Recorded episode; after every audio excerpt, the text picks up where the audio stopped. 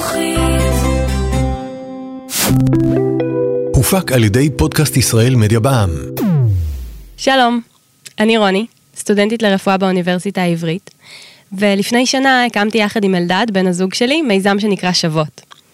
בשנה שחלפה, אלדד ואני התחתנו, וביחד עם הצוות הנפלא של שוות, הפכנו את המיזם לעמותה.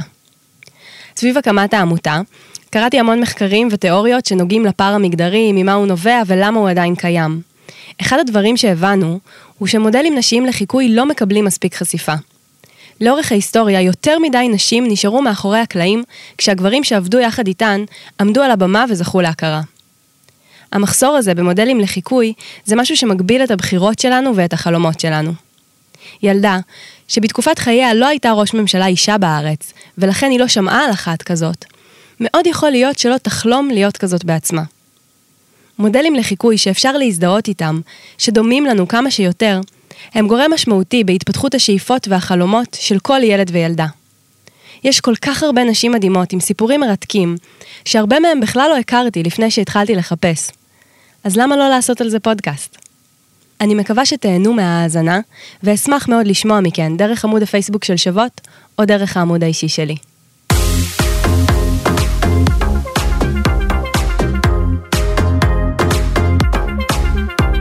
שוות להכיר.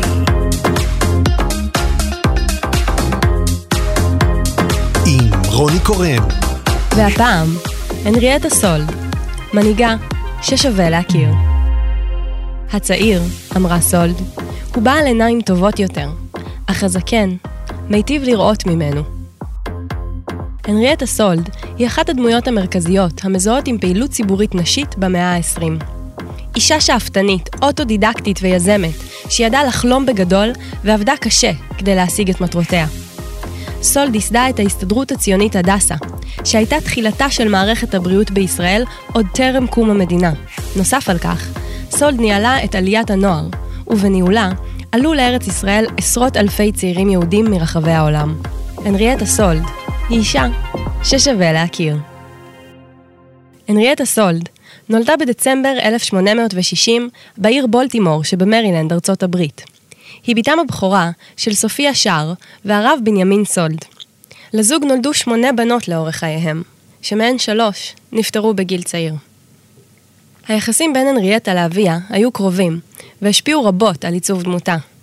האב השקיע שעות רבות בחינוך בתו, בקריאה משותפת, ובשיחות שהלכו ונעשו עמוקות ומורכבות יותר ככל שהתבגרה. לשיחותיהם האינטלקטואליות היה תפקיד מרכזי בעיצוב של עמדותיה וערכיה של הנריאטה. מגיל צעיר עזרה הנריאטה לאמה במטלות הבית ובחינוך אחיותיה הצעירות. בימי ראשון, יום החופשה מהלימודים בארצות הברית, נהגה הנריאטה לקחת את אחיותיה לסיורים בטבע. היא הכירה להן את הצמחים בסביבה, שבהם התעניינה ועליהם למדה בעצמה, מספרים ששאלה מהספרייה. בשעות אחר הצהריים, אהבה הנריאטה לשבת עם אחותה רחל, הקרובה לה בגיל, ולשקוע בנגינה על הפסנתר הישן. כאשר חלתה אחותה הקטנה, אדל, הנריאטה נשארה בבית לטפל בה ולהקריא לה ספרים. היא לא משה ממיטתה של אחותה האהובה כל זמן שהייתה חולה. לבסוף הביסה אותה המחלה. הנריאטה חלתה מרוב צער, ועד סוף חייה, ליווה אותה העצב העמוק שחשה נוכח האובדן. הנריאטה הצעירה התעניינה מאוד גם בתחום ההיסטוריה, ותמיד נראתה מוקפת בספרים. אחר הצהריים הייתה יושבת לקרוא בגינה הקטנה שמחוץ לביתה, לאחר יום הלימודים בבית הספר היהודי. בעידודו של אביה, עברה הנריאטה ללמוד בתיכון מקומי כללי, לא רק יהודי, וסיימה אותו בהצטיינות. היא הייתה הנערה היהודייה היחידה והראשונה מבין חברי הקהילה שלמדה במוסד שכזה. במשך שנות נעוריה, במקביל ללימודיה שלה, החלה הנריאטה לעבוד כמורה בבית האולפנה הדתי, אשר היה חלק מבית הכנסת של אביה. היא לימדה מקרא, עברית והיסטוריה יהודית. כשסיימה הנריאטה את לימודיה בתיכון, גילתה כי המוסדות להשכלה גבוהה אינם מקבלים לשורותיהם נשים, ונאלצה לוותר על לימודים גבוהים. כשהיא רק בת 16, עבדה הנריאטה כמורה לשפות ומתמטיקה, בבית הספר הפרטי לנשים של האחיות אדמס, ושם לימדה 15 שנים רצופות. כשהייתה הנריאטה בת 21, החלה לחקור את מקורות משפחתה. היא התלוותה לאביה באחד ממסעותיו אל הקהילות היהודיות באירופה, ונחשפה לקשיים ולפוגרומים שמהם הן סבלו.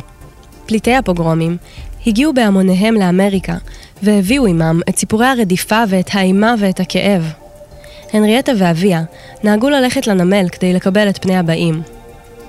בהדרגה, החלה סולד להבין שהרעיון הציוני יכול לשמש פתרון לעם היהודי מחוסר המולדת.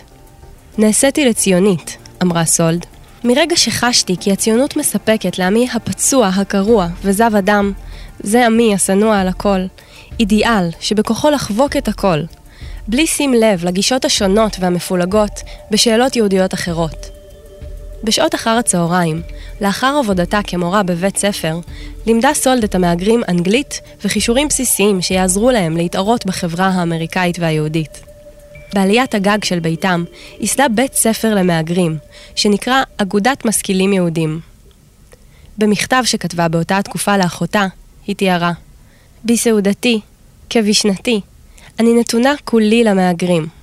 סולד נהגה לכתוב באופן קבוע לעיתון Jewish Messenger, השליח היהודי, בשם העט שולמית. היא כתבה לעיתון על בעיות היהודים באמריקה. היא תיארה את קשיי הפרנסה, את הוויתור על שמירת השבת ועל מצוות אחרות כדי להתקיים, ואת ניצני ההתבוללות, שנגדה יש לדעתה לפעול. היא קראה להחיות את השפה העברית, והטיפה לכך שעל היהודים להיאחז בקרקע. סולד התנדבה במשך שנים באגודה היהודית להוצאה לאור, שפעלה למען הפצת ערכי עם ישראל ותרבותו בקרב יהודי אמריקה. כשהייתה בת 33, הגיעה למסקנה שהיא רוצה להרחיב את עיסוקה בתחום, ומונתה לתפקיד מזכירת האגודה. אז גם הצטרפה לאגודה הציונית המאורגנת באמריקה, חברת ציון. הנריאטה עזבה את בית הוריה והתמסרה כולה לעבודה בחברת ציון, שבה עבדה 25 שנה. כשהייתה הנריאטה בת 42, נפטר אביה, לאחר שנים של מחלה קשה. בשנים אלו נסעה הנריאטה פעמים רבות לבית הוריה, לעזור לו ולסעוד אותו.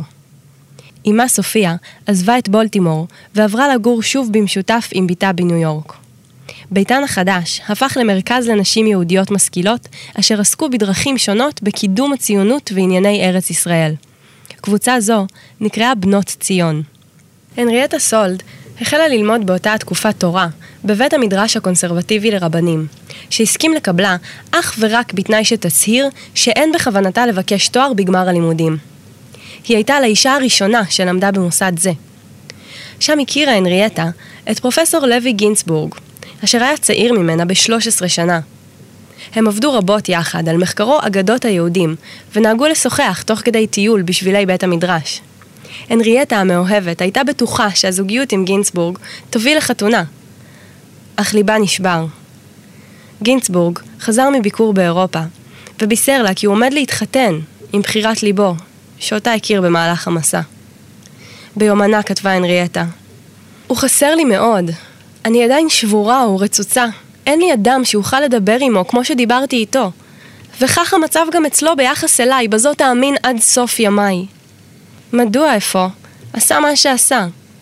אני ארוסה ואומללה. אמה שכנעה אותה לצאת לחופשה באירופה, לבקר קרובים, כדי להשכיח מעט את כאבה. ממש לפני הנסיעה, קיבלה הנריאטה סולד פרס כספי גדול, מהאגודה היהודית להוצאה לאור, על עבודתה המסורה. סולד החליטה לנצל את הכסף שקיבלה בהפתעה, כדי להגשים חלום. ביקור בארץ ישראל. בשנת 1909, היא הגיעה לישראל יחד עם אמה. היו אלה ימי העלייה השנייה. הנריאטה ואימה התרשמו מהמושבות החדשות, מהחלוצים ומהנופים של התנ"ך והיישוב הישן. אך עם ההתרגשות, הן נחשפו גם לעוני, לדלות ולחולי ששררו באותה התקופה בארץ ישראל, ובעיקר למחלת הגרענת, אשר הייתה נפוצה בשל תנאי ההיגיינה הירודים. בבית הספר לבנות של חובבי ציון ביפו, פגשו להפתעתן הנריאטה ואימה תלמידות בריאות לחלוטין, מנהל בית הספר סיפר להן שהוא רואה חשיבות רבה בנושא הבריאות בבית הספר. הוא העסיק אחות ורופא, אשר הגיעו לביקור שבועי בבית הספר, והקפיד על שמירה של כללי ההיגיינה במוסד. אמה של אנריאטה, סופיה, התרשמה מאוד מדבריו של המנהל. היא אמרה לביתה, תוך התייחסות לפעילותה בארגון בנות ציון, הנה מה שעל הקבוצה שלך לעשות. עליכן לעסוק בעבודה מעשית בארץ ישראל. ייתכן שהתרשמות זו בבית הספר ביפו היא שהובילה לאחר מכן להקמת ארגון הדסה. בחזרתן לאמריקה, קיבלו את פניהן משפחתן, נשים מבית המדרש וידידי המשפחה. הנריאטה אמרה להם, היו שהזהירו אותי שלא לקיים את המסע לארץ ישראל. את תתאכזבי, הם אמרו. כשתגיעי לציון תחדלי להיות ציונית. ובאמת, הרבה ראיתי שם, שעשוי לעורר תגובה של דחייה, אפילו בכי.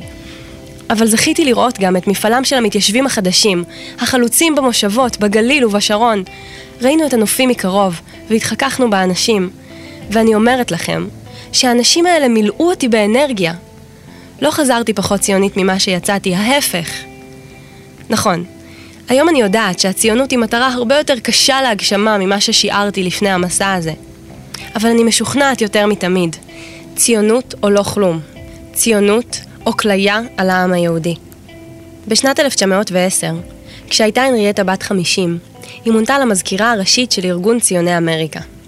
שנתיים לאחר מכן, החליטה סולד להשתמש בכישוריה ובקשריה כדי לנסות להגשים את החזון של אמה ושלה, שנולד בטיול בארץ ישראל. לקראת חג הפורים יזמה כנס, שאליו הגיעו 38 נשים ציוניות בבית הכנסת הרפורמי, טמפל עמנואל. סולד קראה לנשים שהגיעו לפעול למען הבריאות של הציבור היהודי בארץ ישראל. התלהבותה של סולד הייתה מדבקת, ובעקבות הכנס הוקמה ההסתדרות הציונית הדסה. הדסה, כאחד משמותיה של אסתר המלכה. שנה לאחר הקמת הארגון, בעזרתם של הנדבנים לינה ונתן שטראוס, נשלחו לארץ ישראל שתי אחיות רומניות, רחל לנדי ורוז קפלן, אשר הקימו את תחנת הבריאות הראשונה הציבורית בירושלים.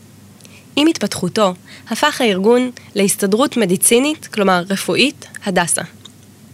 כשפרצה מלחמת העולם הראשונה, נותק הקשר של ארץ ישראל עם העולם היהודי שמעבר לים, וכל תוכניות ההתפתחות של הדסה השתבשו. במהלך שנים אלה, הלכה והתחזקה דעתה של הנרייטה, שארץ ישראל והציונות הם הפתרון לבעיות העם היהודי. בשנת 1916 נפטרה אימה, ותחושת הבדידות של הנרייטה גברה. היא החלה להצטער על שלא ילדה מעולם ילדים. באותה שנה פנו אל נשות הדסה נציגי ההסתדרות הציונית באמריקה, וביקשו לסייע ליישוב בארץ ישראל על ידי משלחת רפואית. נשות הדסה נהנו בהתלהבות והחלו בגיוס כספים. ביוני 1918 יצאה היחידה הרפואית מניו יורק לארץ ישראל עם ציוד בשווי 250 אלף דולר, שכלל שני אמבולנסים, ציוד רפואי ומכשור מתקדם, מזון, בגדים, תרופות ושתי משאיות.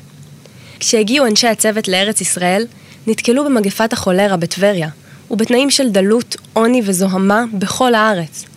וכאילו לא די בכך, בשל הבדלי המנטליות וקשיי השפה, הם התקשו בהתנהלות עם היישוב היהודי. נציגי הדסה הקימו בית חולים קטן בירושלים וביקשו מסוד להגיע ולנהל את העניינים מקרוב בארץ ישראל. הנריאטה שמחה לתפקיד, וכינתה אותו ההרפתקה הגדולה בחיי.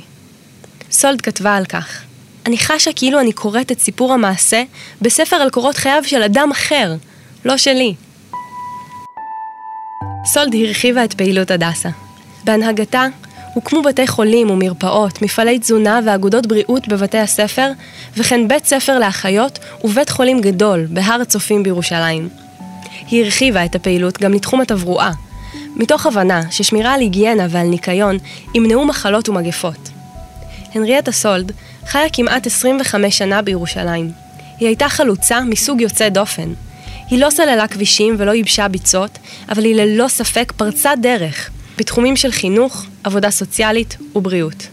הנריאטה רקמה קשרי ידידות עם שכניה הערבים, ובהמשך הצטרפה לקבוצת ברית שלום, שחיפשה דרכים לפתרון הבעיה היהודית-ערבית בהידברות. גם אחרי מאורעות הדמים בין היהודים לערבים, נשארה עם חברתה ושותפתה לדירה בביתן אשר בלב שכונה ערבית בירושלים. בשנת 1927, כשהייתה הנריאטה בת 67, מונתה להנהלת ההסתדרות הציונית, שפעלה כמו ממשלה של היהודים הציונים בכל העולם. היא נבחרה לעמוד בראש מחלקת החינוך.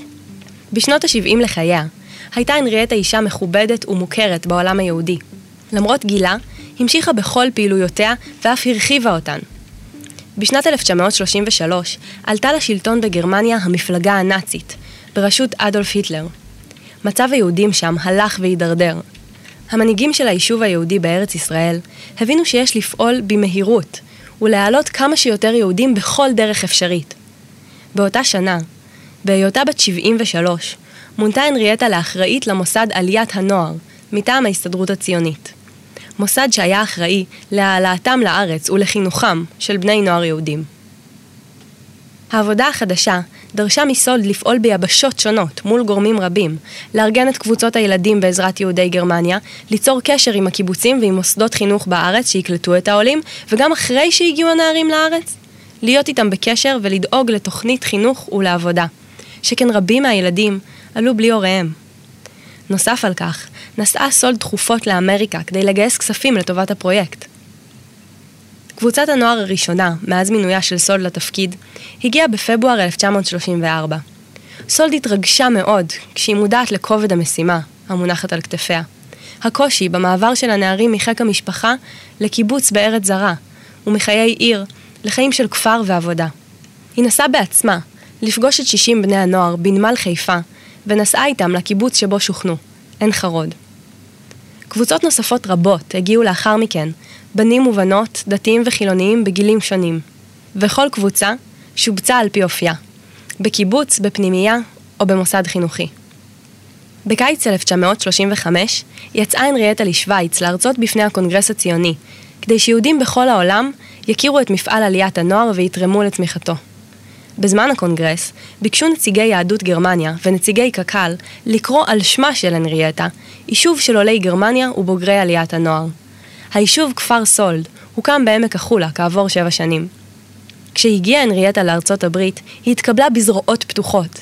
הנהלת ארגון הדסה החליטה לאמץ את מוסד עליית הנוער ולתמוך בו כספית. היטלר החל לספח שטחים באירופה, ועליית הנוער החלה להעלות קבוצות גם מאוסטריה, מצ'כיה, מצ'כוסלובקיה ועוד. סולד ניהלה את המפעל המורכב מירושלים, יעצה בכל התחומים והייתה מעורבת מקרוב בכל בעיה שצצה. אבל בזאת לא תמו בעיות היישוב היהודי. בשל התקפות של ערבים על יישובים יהודיים והתחממות המצב, החליטו האנגלים ששלטו בארץ להגביל את מספר היהודים שיעלו ארצה. מובן שבגלל החלטה זו נפגעו גם קבוצות עליית הנוער. הנריאטה ניהלה משא ומתן עם הבריטים כדי להוסיף מכסות לנוער, אך ניסיונותיה זכו להצלחה חלקית בלבד. ואז פרצה מלחמת העולם השנייה. פחות ופחות עולים יכלו לעלות בזמן המלחמה. עליית הנוער לקחה תחת חסותה את הילדים ואת בני הנוער שהגיעו בספינות מעפילים דחוסות לעייפה.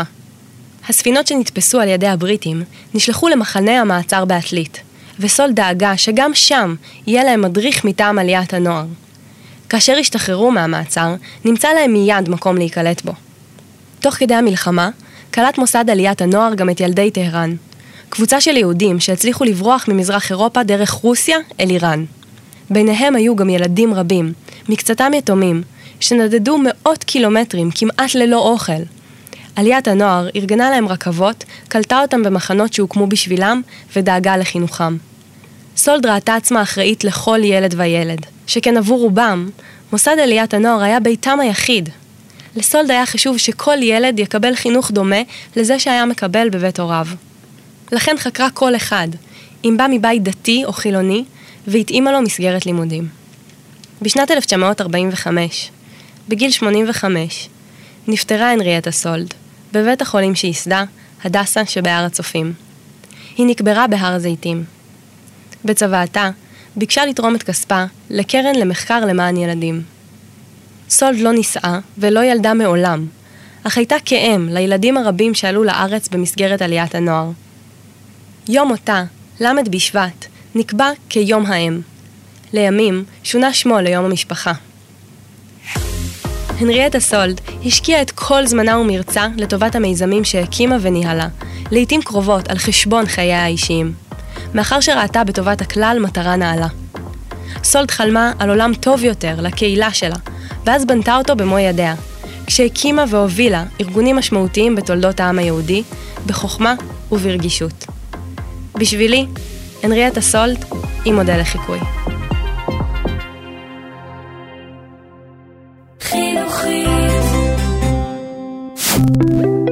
הופק על ידי פודקאסט ישראל מדיה בע"מ.